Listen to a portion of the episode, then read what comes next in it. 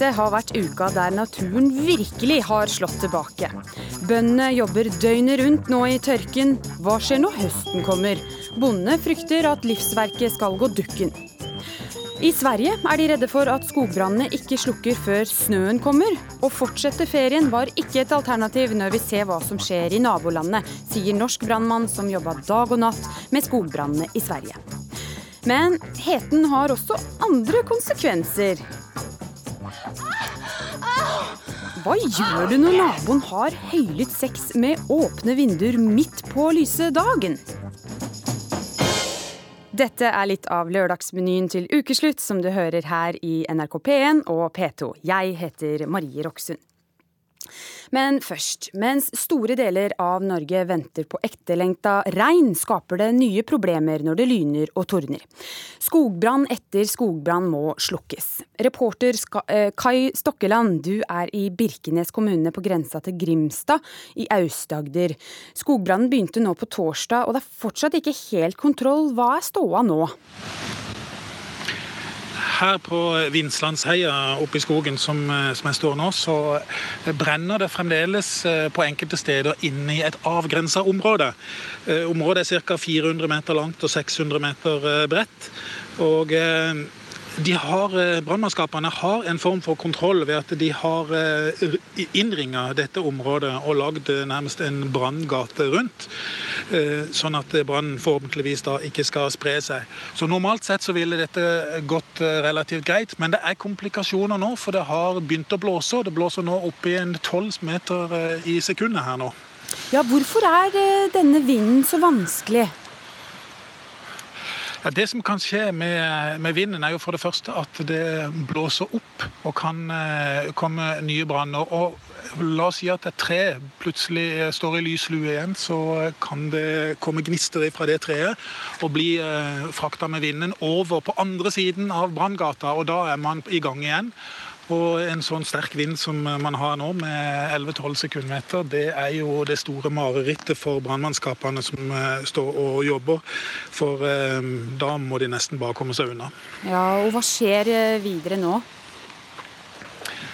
Det er ca. 55 mannskaper som nå er i sving. Nylig kom det 20 sivilforsvarsmannskaper fra Vestfold som kommer her for å assistere det lokale sivilforsvaret, og selvfølgelig brannvesenets egne folk.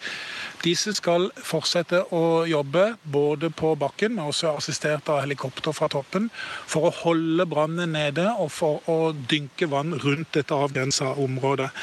Men jeg snakka nettopp med brannmester eh, Jan Røili i eh, Kristiansand omegn eh, brannredningstjeneste, og han sier det. De må være her i kveld, de må være her i morgen, og sannsynligvis også mandag og tirsdag. Og det er egentlig ingen som vet hvor lenge de må fortsette. Og Det de frykter mest av alt, det er egentlig at det kommer nye branner i området som de da eh, ikke kanskje ikke har beredskap til å takle. Tusen takk til deg, reporter Kai Stokkeland. Og vi skal høre mer om skogbrann, for det brenner og brenner i Sverige. Denne uka har vi hørt at det kan komme, komme, til å brenne helt fram til jul. Og naboene våre har hatt så mye å gjøre at de har måttet få hjelp fra andre land. Flere norske brannmenn har hjulpet til i redningsarbeidet.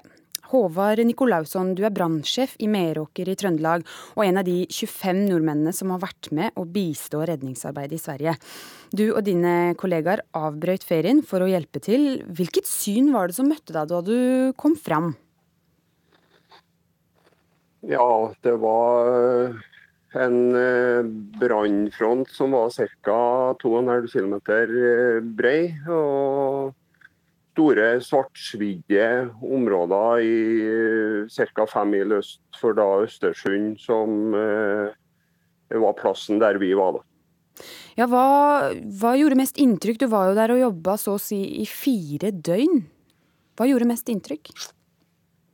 Ja, Uten tvil eh, så er det jo den påvirkninga som eh, eh, hendelsene har hatt på på det svenske folket øh, og ødeleggelsene. fordi at det er bare som, en, det er som et ørkenlandskap og, og en krigssone eh, som er igjen når øh, brannene har herja. Ja, og Vi har jo hørt at det ble bomba for å slukke brannen. Hvorfor gjør man det? Nei, Det er klart at uh, mange, eller flere av de brannene der uh, er jo faktisk i områder der det ikke er tilrådelig for mennesker å bevege seg. Og Da er jo helikopter eh, effektivt. I tillegg så er det jo farlig å bevege seg i skog som har brunnet, pga. at trærne sine rotsystem er avbrent, og, og, med litt vind eller eh, med litt hjelp, så knekker trærne og så bare dasker i bakken. Så det handler jo om eh, egen sikkerhet. Ja, og Kan du forklare litt mer hvordan dere har jobba med å slokke? For vi har jo hørt at det noen ganger kan brenne flere meter ned i bakken? Ja, det stemmer det. Eh, Altså Bekjempelse av skog- og lyngbranner det er evig hardt arbeid. Fordi at eh, det er legging av slanger, flytting av slangeutlegg. Det er å komme seg ned i jorda eh, til der varmen befinner seg. og på de plassene der det ikke går an å bruke eh, maskiner, så er det da manuelt arbeid som gjelder. Og jeg må virkelig berømme eh, innsatsen de, som er yta fra Norge. Det er helt fantastisk eh, moral arbeidsinnsats på tvers av forskjellige ulike brannorganisasjoner i, i Midt-Norge. her. Mm. Og Nå har du også begynt å brenne her i Norge. Hvor på landet er dere på alerten her? Ja, det er vel sånn at altså, I utgangspunktet så tror jeg nok at uh, det gjelder hele Norge, men spesielt uh, fra og med Trøndelag og, sørover, så er det jo skyhøye skogbrannindekser. Og, og, vi må oppfordre i hvert fall eh, de brannene som kan være menneskeskapt. Så, så, må vi oppfordre folk til å, å omgås ild med største varsomhet i de dagene som vi er inne i nå. Ja. Kan det bli like stort her i Norge som det var i Sverige? Altså I teorien så, så kan det nok bli det. Nå, nå sitter jeg med en følelse sjøl på at vi kanskje er flinkere i Norge til å dra på med større ressurser uh, i en tidlig fase. Uh, men det er klart alt er jo litt avhengig av hvor mange branner du får samtidig, og, og hvilke ressurser du har til å håndtere det som da dukker opp. Mm. Helt til slutt, eh, hvordan var det for de rundt dere, dere som måtte dra og avbryte ferien, hvordan var det for de rundt som kanskje hadde gleda seg til eh, ferie med dere? Nei, det er jo klart de, de alle som uh, har vært med her, uh, har jo ofra uh, enten ferie eller en friperiode, frivakt. Og det er klart, det har jo de på hjemmebane gjort òg. De, de våre nærmeste de har jo på en måte akseptert at vi ønska å bidra, og, og sånn sett òg gjort sitt offer, og det står det all mulig respekt av. Tusen takk til deg, Håvard Nikolausson, brannsjef i Meråker.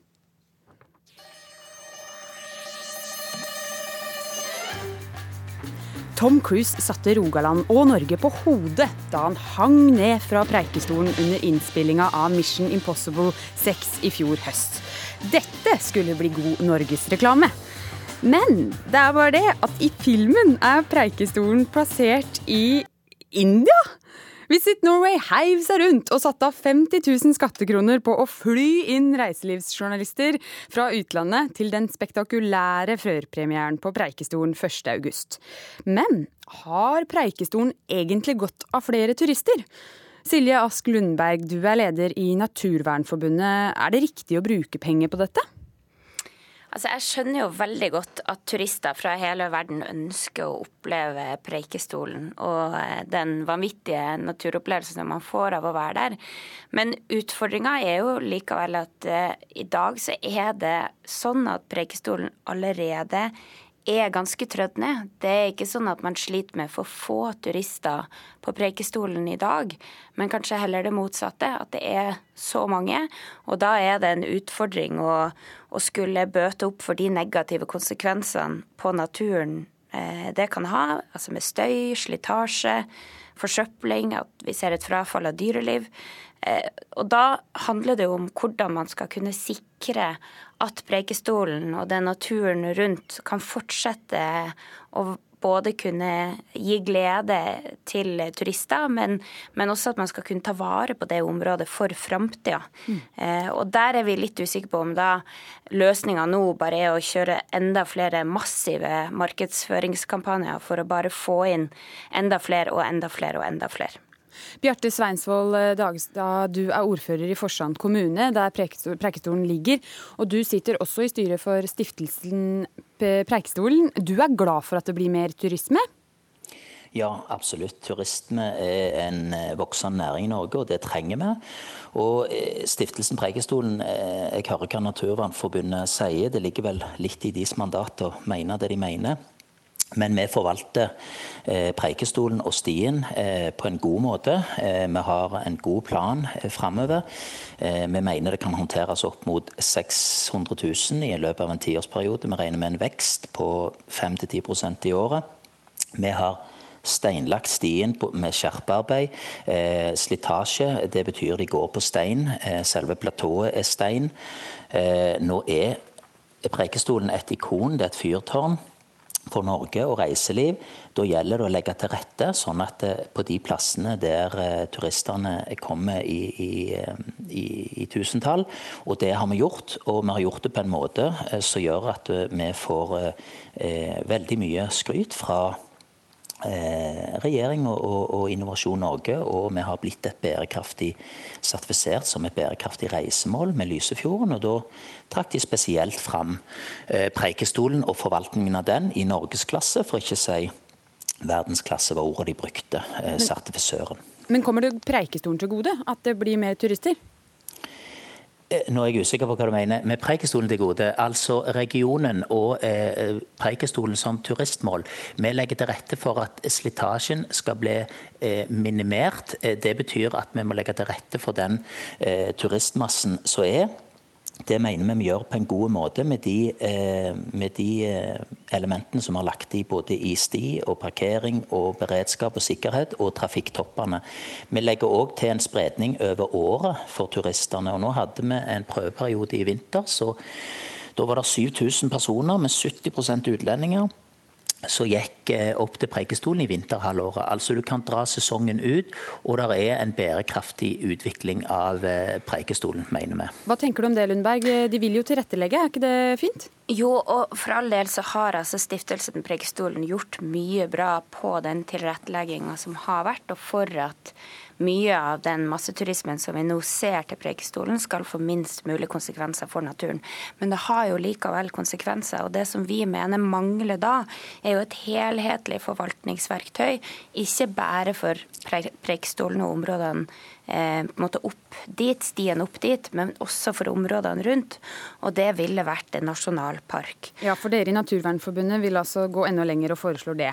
Ja, og der er det jo også sånn altså, Nasjonalpark gir jo en helhetlig forvaltning, og der kan du jo også ha styring av menneskemengder. og Der er det jo en, en utredning som nettopp stiftelsen Preikestolen fikk gjort for noen år siden, som viser oss at nasjonalpark kan brukes aktivt for å skape også størst mulig verdier av turistattraksjonen, men da altså uten at naturen forringes og ødelegges, som vi frykter kan skje hvis man mangler det her helhetlige forvaltningen forvaltningsverktøyet som en, som en nasjonalpark er. Hvorfor ikke nasjonalpark, Dagestad?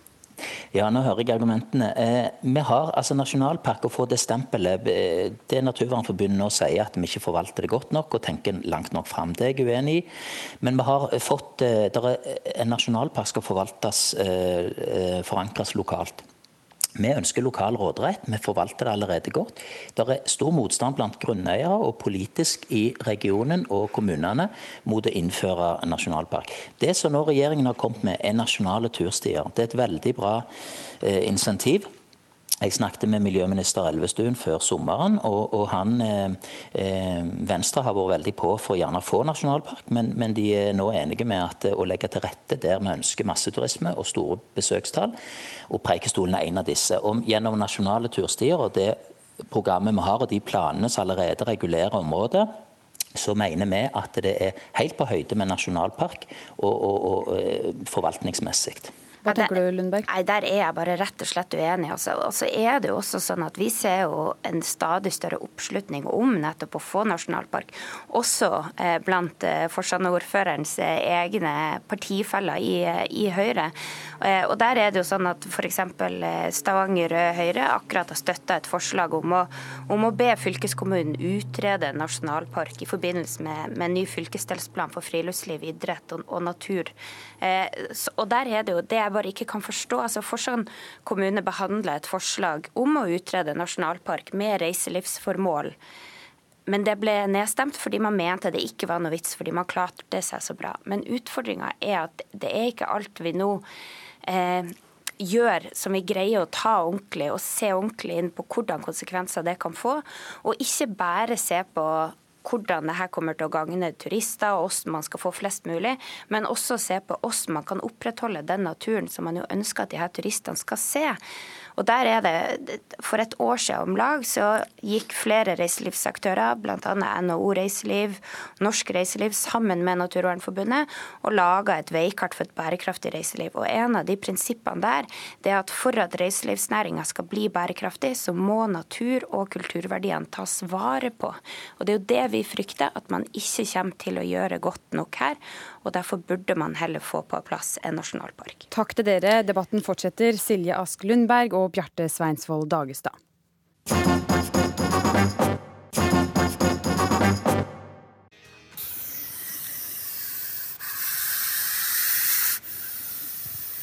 Lyden av en sint hoggorm kan vel få de fleste til å grøsse og rynke på nesa. For lange, varme soldager fører nemlig til at rekordmange mennesker er blitt bitt av hoggorm. Og det får da vel kanskje ikke til å rynke noe mindre på nesa. For ifølge Giftinformasjonen har det siden mai kommet 264 henvendelser om mennesker som er bitt av hoggorm. Og en av de som har opplevd å bli bitt, det er deg, Oda Svae. Hoggormen satte tennene på innsida av armen din for fire år siden. Fortell hva som skjedde. Ja, jeg eh, gikk med søpla og tydeligvis blei bitt. For dagen etterpå så hadde jeg blodrelser over hele overarmen. Og skjønte ikke stort til hva som hadde skjedd. Og det gjorde ikke legevakta som jeg var på heller. Men når jeg kom til fastlegen min eh, to dager etter bittet, så fant han bitta mine med en gang og konstaterte at det var det som var. Og etter hvert da så fikk jeg påvist at jeg hadde fått nerveskade i armen. Ja, for det er jo ganske sjeldent at det skjer. Eh, fortell om det.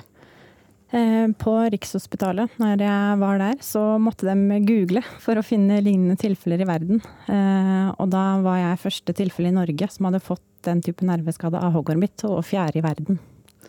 Hvordan var smertene? Til tider så er det jo uutholdelig, men eh, man må jo bare lære seg til å leve med det. Men, men, var det Du kjente ikke at du fikk vondt der og da? Nei, det tok vel ca. nesten tolv timer. Ja. Er det noe du vet nå som du skulle ønske du visste den gang? Jeg er litt mer observant. Mm. Jeg veit litt hva mer jeg skal se etter. Hvordan da? F.eks. for eksempel ser, Man jo, kan jo se tydelig eh, hvordan bytta ser ut. Med to prikker. Um, men, men uh, merker du nå når du er ute i naturen at du er litt mer bevisst på det? Hvor du går, eller uh, om du går barbeint eller sånne ting? Jeg ser meg litt mer for. Mm. jeg gjør det. Ja, men uh, har du Dette tilfellet ditt var jo ganske sjeldent, og si, heldigvis er det ikke så mange av de tilfellene. Men hvordan har det påvirka livet ditt? Det har jo snudd hele livet mitt opp ned. Eh, jeg var jo egentlig utdanna kokk og hadde jobba som kokk i et år før det skjedde. Eh, og jeg må jo, måtte jo tenke helt nytt, for det fungerer jo ikke å bruke armen så mye. Så jeg har akkurat fullført ett år med påbygg og har nå søkt videre og kommet inn på sosionomstudiet. Så det har eh, midt oppi alt sammen løst seg likevel? Ja. Sånn sett for framtiden, i hvert fall. ja. Men er du bevisst nå Snakker du mye med folk? Har du hørt noe fra andre som, eh, som har blitt bitt eller lignende? Nå er jo heldigvis det tilfellet ditt ikke så mange som opplever det, men har du snakka med andre som har blitt bitt? Nei, faktisk ikke. Det, ja, det har jeg ikke. Nei, men har du noen flere da, tips nå til hvordan man kan følge godt med? Du sa du ser de to stikka hvis man får det, men, men uh, har du ellers noen tips til hvordan man kan følge ekstra godt med? Nei, altså jeg tenker Hvis man har mistanke om at man har blitt bitt, så syns jeg man skal sjekke det uansett. Jeg var jo verken i risikogruppa eller fikk reaksjon etter så kort tid man som oftest får reaksjon, da. Ja. Um, så man bør sjekke det opp uansett. Nettopp. For uh, Giftinformasjonen sier jo da at eh, det nå siden mai har kommet inn uh, eh, 264 henvendelser om uh, mennesker som har blitt bitt av hoggorm. Men det, det, er jo heldigvis ikke alle de heller som, som blir uh, si, sjuke av det, da, eller at man, man blir dårlig. Um, og vi, denne uka så kom jo nyheten om at motgiften var, var si, tom og av mangelvare. Men eh, vi har snakka med Dag Jacobsen, som er avdelingsleder for akuttmedisinsk avdeling ved Oslo universitetssykehus.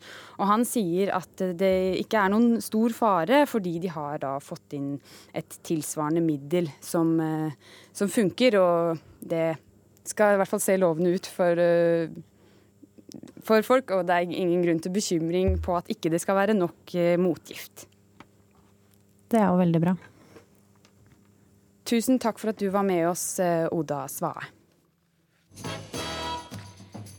Har du på et eller annet tidspunkt opplevd å være vitne til naboens stønning og andre sexlyder? Au! Au! Au! Jeg fikk liksom veldig assosiasjoner til liksom, eh, dårlig pornofilm, da. Syns du det var vanskelig å se den sjeldne måneformørkelsen i går? Ingen fare, den 11. august skjer det noe vel så spektakulært. Dette er noe av det du får høre om i den neste halvtimen her i Ukeslutt.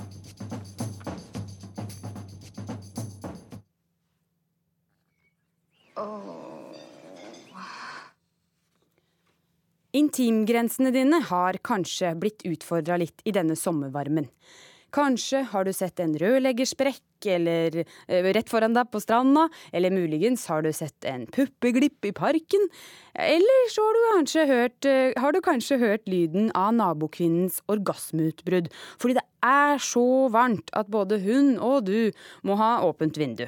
Ukeslutts reporter Leila Feratovic har sett nærmere på et av sommerhetens mer klamme problemer. Oh. Oh, Hva er vel bedre enn at folk koser seg i denne sommervarmen? Blir de svette? Både i gatene, på stranden og i sengen. Kanskje du er en av dem som har kost deg litt ekstra i sommer? Droppet dynen, åpnet opp vinduet og latt deg rive med av våte kyss og hender overalt og bare oh. Oh. Oh, God. Oh, yes! Yes! Yes! Yes! Men så har du naboer. Og disse naboene koker i 30 grader pluss. Prøver iherdig å få litt trekk gjennom leiligheten. De var ikke forberedt på at eh, de skulle være vitne til din nytelse. Dette ble nemlig Marie Røsland utsatt for. Som du ser rundt her, så er det ganske mange tett på tett på blokker, og lyden går veldig fort liksom, mellom blokkene her. da. Og det var da liksom hørte henne, da, eh, denne damen, som eh, Altså, jeg blir jo alltid litt sånn satt ut med å høre sånne ting, men her ble jeg også litt sånn fascinert, fordi at eh, jeg har aldri hørt noen rope så høyt, da. Og det varte jo ganske lenge også. Marie sine refleksjoner rundt den fremmede stønningen kunne man lese om i Dagbladet. Der jobber hun som journalist. Men tilbake til den varme og høylytte kvelden hjemme hos Marie. Eh, så da er jo det både litt sånn ubehagelig, fordi man blir litt sånn Hva skal jeg gjøre nå? Eh, men jeg ble bare, egentlig bare sittende og bare sånn stirre rett fram, fordi at Jeg ble så opphengt i henne, da, på en måte. Og det er jo litt sånn Litt creepy, men det gjorde hun i hvert fall. da, Og så er det sånn umiddelbare tanken er bare sånn åh, hun overdriver. Sant? Fordi at selvfølgelig jeg har ikke noe formening om hvordan kvinner skal liksom Eller jeg kan ikke snakke for alle kvinner og hvordan de uttrykker seg selv i sengen, men jeg fikk liksom veldig assosiasjoner til liksom eh, dårlig pornofilm, da. Jeg er selv litt usikker på hva jeg syns om andres høylytte hyggestund, så jeg tar heller til de glovarme gatene i hovedstaden. Naboen min hadde sex eh, i går natt. Høylytt sex. Jeg våkna av det faktisk. Hva tenkte du da? Det, det må være veldig godt, tenkte jeg. Har du noensinne opplevd å forstyrre andre med din høylytt sex? Eh, jeg burde selvfølgelig sagt eh, ja. Og jeg håper det, eh, men jeg er ikke sikker. Kjør på. Kan jeg sette meg ned? Ja, ja.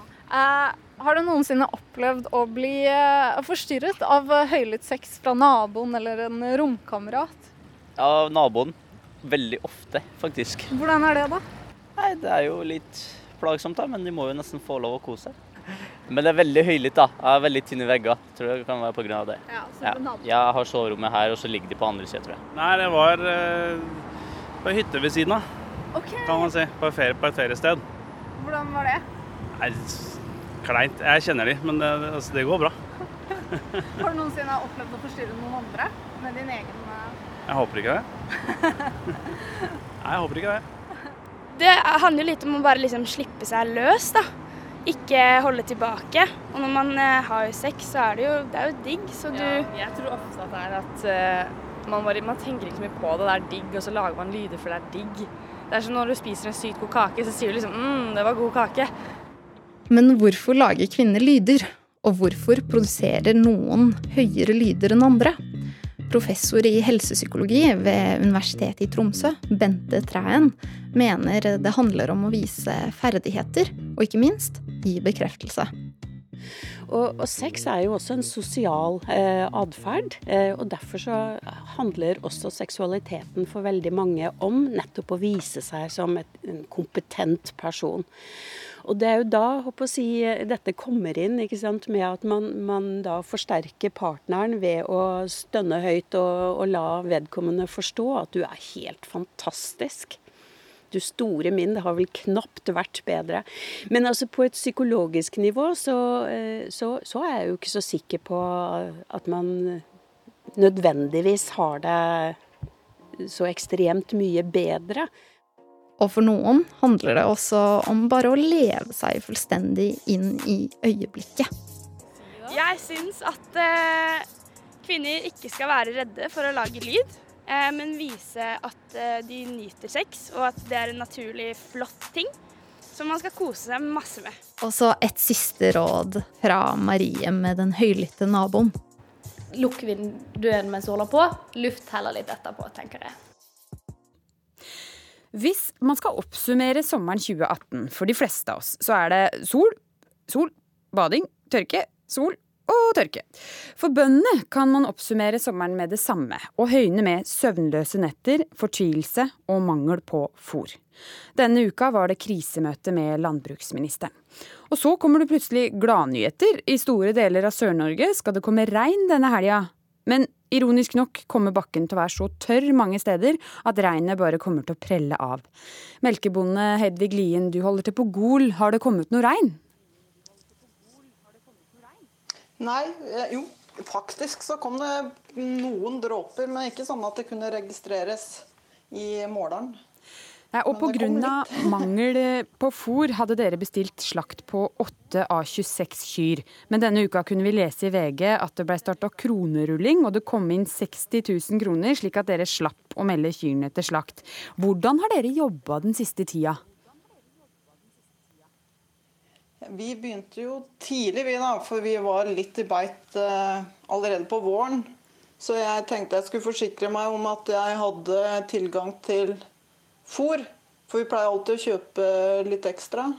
Og da fikk jeg bare høre i juni at det Førsteslåtten så så tørr ut at de trodde ikke det ble noe overskudd. Så allerede da begynte jo jeg å leite, da.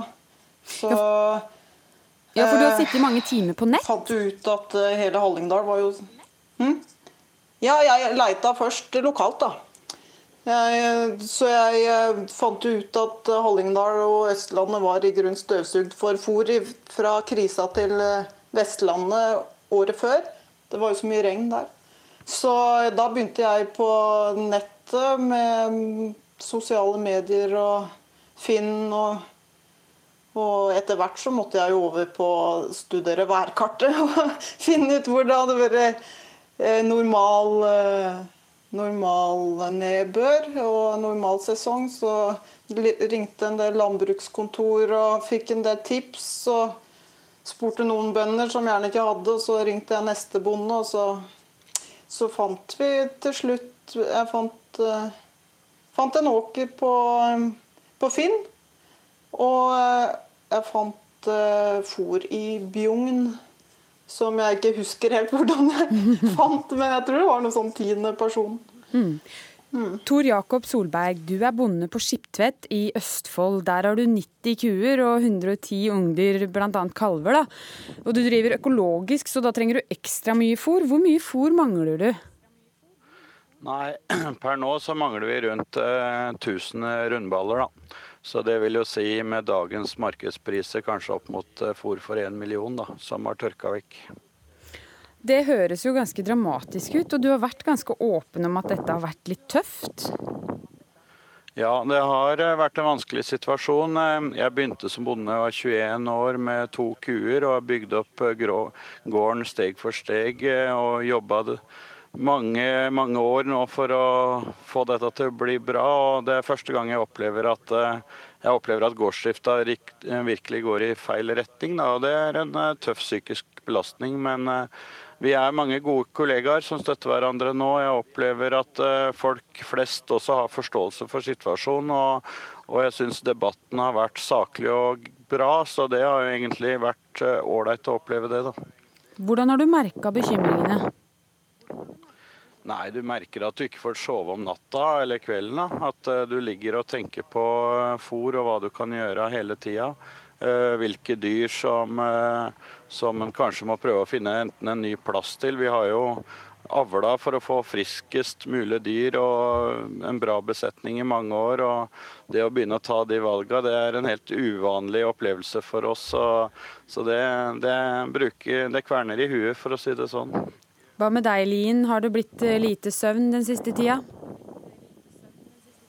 Ja. ja, det er helt klart. Er vel Helt siden juni så har jeg sovet dårlig. og Det er klart en kombinasjon med varme netter hjelper jo ikke, men en blir sånn stadig eh, på en måte både på vakt og ja, En føler han er litt i kriseberedskap, og det er han jo for en sånn ekstrem situasjon. Så jeg, jeg, Og jeg måtte jo ikke gå glipp av noen sjanser, så jeg måtte jo hele tida være Jeg oppdaterer Finn. Hele tida ringe.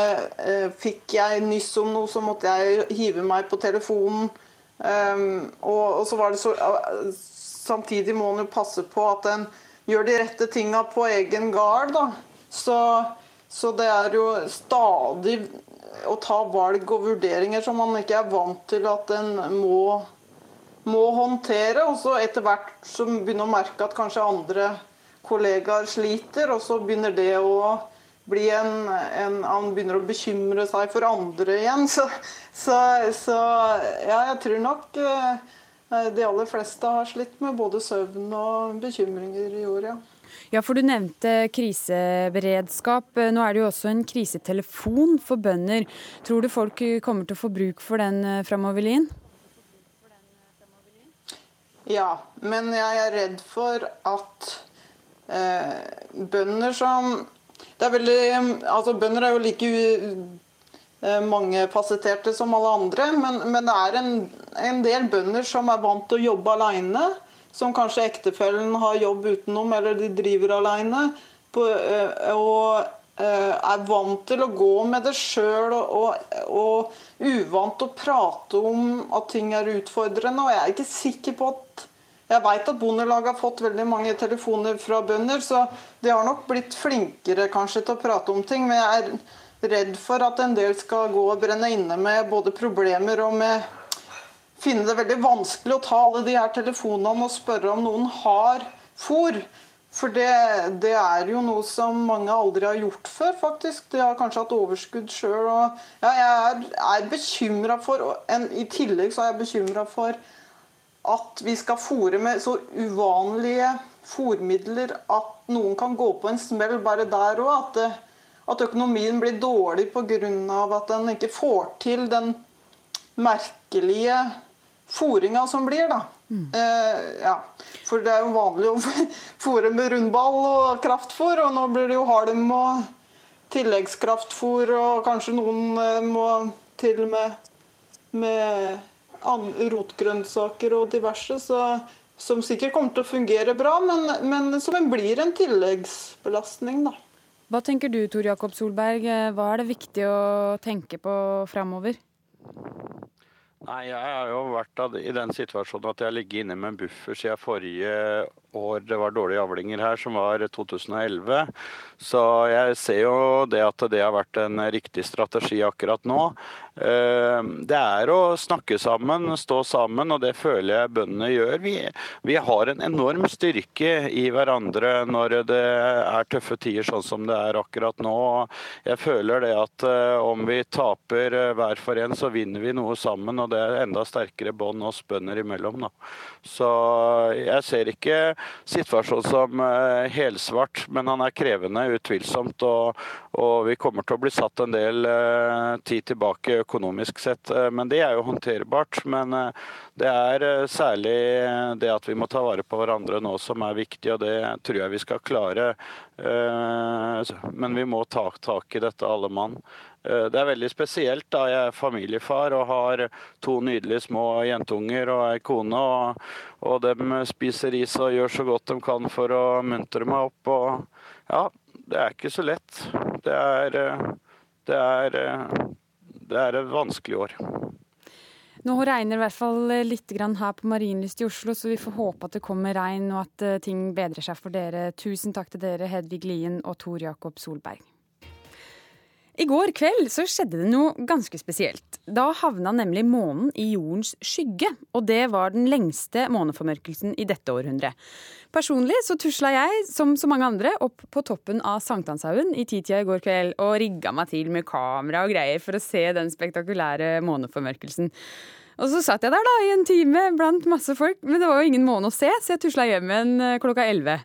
Vitenskapsformidler Anne Mette Sandnes, du har så klart fått med deg det her, og du gikk ikke hjem klokka 11, så du fikk vel se noe fint til slutt? Jeg fikk se noe fint til slutt, eh, og det var veldig dumt at du gikk hjem akkurat 11. For det var nemlig da det begynte å skje. For det var, en, det var faktisk en dis pga. varmen som lå over der. Så det gjorde sitt. Og så var det lys sommerhimmel, og det er det jo her i nord, så da kan man aldri forutsi det. Men den kom altså fram etter hvert veldig magisk. Først litt skyer, så gjorde den veldig trolsk og veldig, veldig vakker. Og en fantastisk kveld i nord Nordmarka for de som faktisk var i Nordmarka. Og det var bare, både familier og barn og alt som var i marka. Hele Nordmarka den kvelden. Nå fikk vi jo ikke se hele, men uh, den var ganske lang. Altså, fortell hvorfor var den det?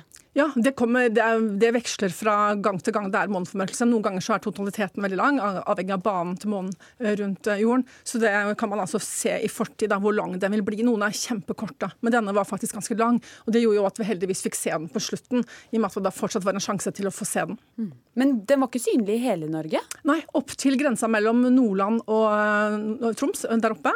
Og mens Mars den var synlig til Trøndelag. For Mars, det var også noen som fikk se Mars, for den, skal altså stå, den skulle stå rett under månen. Det var jo eh, litt eh, dis, men noen i Norge fikk også se Mars. Men uansett, Mars ser vi jo hver kveld. Uansett, og det er stormer på Mars, og vi følger med på Mars. Så om det var den ene kvelden vi ikke så Mars, så kan vi se den på nytt i kveld. Så det er ikke så ille. Men må man ha peiling, sånn som du har, for å kunne se det, eller? Eh, det er ganske lett å sjekke på forhånd hvor kommer den opp. Der er Jupiter, der er Saturn. ikke sant? Så vi visste jo eksakt omtrent hvor den ville komme. Så det var omtrent bare å stå og vente. Så det er ikke så veldig mye research for å finne ut hvor, hvor månen kommer opp. Og så er det jo sånn at i før i tida så Dette har jo masse med overtro og sånn eh, tidligere i tida. Og det må jo også da være mye i fremtiden som vi får vite som ikke vi vet i dag. Hva kan du si om det? Ja, det er helt klart. I, i fortiden så var det jo ganske mye de ikke visste. Vi så denne buen på månen. Hva kunne den bety? Det vet vi jo nå i dag. Og I fremtiden så er det kanskje mørk, noe som heter mørk energi og mørk materie, som vi ikke aner hva er. For faktisk er det sånn at vi ikke kjenner til mer enn 5% av universet, hva universet består av. Og det er jo et ganske lite tall. 5 Så det betyr altså at resterende, som er fordelt på mørk materie og mørk energi, det vet ikke vi hva er. På 70-tallet så fant man ut at eh, det var ikke nok materie i Melkeveien til å holde stjernene i bane. Og det har man også funnet ut noe som man kaller for mørk materie. Så det holder man på å forske på nå. Hva er dette? Og så er det noe som heter mørk energi, som gjør at universet eser. Alt går fra hverandre. Og det er enda mer mystisk. Og man vet altså heller ikke hva dette er. Og det får man jo vite i fremtiden. Vi aner bare ikke når. Men for de som ikke fikk med seg det her i går, da, eh, meg sjæl selvfølgelig, men også andre, eh, kanskje folk tenker litt sånn søren eller nå gikk jeg glipp av det her. Eh, hva er det neste spennende som skjer på himmelen? Da kan jeg glede alle med at det er en solformørkelse 11. august, og den kan alle få med seg. Det er faktisk midt på blanke formiddagen på lørdag, så det er faktisk håp for alle. Og da er det ikke noe som kan ødelegge verken lys himmel eller noe, da er det kun skyene. Det eneste som kan ødelegge, er skyene. Ja, og da er det jo apropos det, da, at uh, nå har vi uh, med oss, uh, med oss statsmeteorolog Kristian Gislefoss her. Nå sa hun at det spørs på været. Nå skal vi få været av deg etterpå, men du må høre først. Fikk du sett måneformørkelsen? Da er vi ute og kikka mange ganger, men jeg bor nede i et søkk, så jeg så bare trærne. Vanligvis så står jo månen greit over disse trærne, men ikke i går. Hvor så. burde han stått, da? Nei, du, du, burde kanskje stå litt, uh, stå litt høyt. Du kan jo bruke kikkert også. Det er mange som sto med kikkert for å se den før, da, som du kanskje ikke ser med blotte øye. Men den kom jo fram da etter hvert, men altså ikke litt før uh, litt over elleve. Mm. Sør-sørøsthimmelen. Ja. Men det var jo også mye, knyttet, mye spenning knytta til hvilken farge det skulle være. Mm. Jeg hadde jo egentlig skrevet eh, litt sånn forberedelse på at den var stor og rød og i det hele tatt. Ja, Men hvordan ble det? Hvis vi hadde sett når den kom oppover horisonten, så virker alltid månen større. Og da blir den mer imponerende. Men det fikk vi jo ikke det, fordi det var skyer. Og om den blir grå eller burgunder, hvis den blir grå, så er det fordi det skyldes vulkanisme og ting rundt på jorden, og det var det jo ikke. Så den skulle blitt burgunder, så det var egentlig bare den lyse sommerhimmelen og dis som gjorde at vi ikke så det. Mm. Men um, du sa også litt om det, hva vi vet i framtida og, og, hva vi vet nå. Hva er det som fascinerer deg mest med det? Uh, man må jo kunne si at det er ganske spennende at når du tenker på hva fortidsmenneskene ikke i det hele tatt visste. De trodde jorden var sentrum i universet. Så fant man ut at det var flere planeter. Galileo Galilei oppdaget fire måneder rundt Jupiter. Og skjønte da, vi skjønte da at det var mulig for andre objekter å gå i bane rundt andre objekter enn vår klode. Og så fikk man da vite at det var andre galakser enn vår egen. Disse tåkene som vi så, Andromeda-tåken som man kalte dem, den var egentlig galakser som var langt, langt unna. Så i dag så vet vi altså at det finnes kanskje rundt 500 milliarder galakser, hver med milliarder av stjerner. Og man har da regnet seg fram til at hver stjerne som er en sol, som vi ser på himmelen, inneholder minst en jordlignende planet.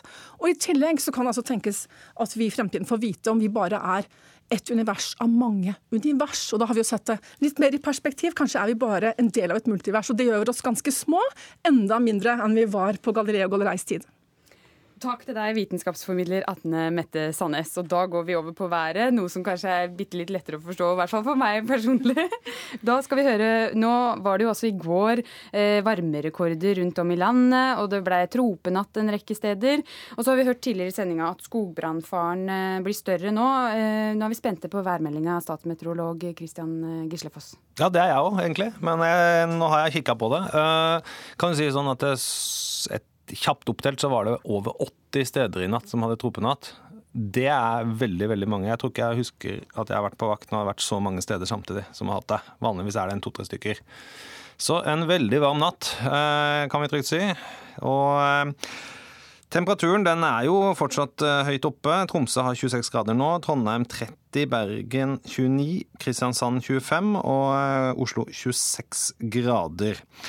Og når det gjelder været, det blir lokale byger på Sør-Østlandet i dag. En byge traff akkurat Marienlyst. Det var full jubel i redaksjonen her.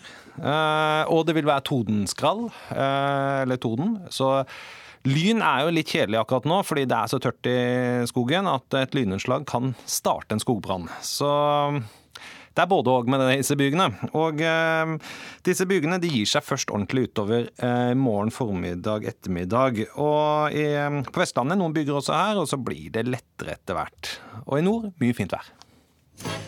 Ukeslutt er over for denne gang, og vi takker for følget. Teknisk eh, ansvarlig Anders Tviberg. Ansvarlig for sendinga Ann Kristin Listøl og Linn Beate Gabrielsen. Mitt navn er Marie Roksund.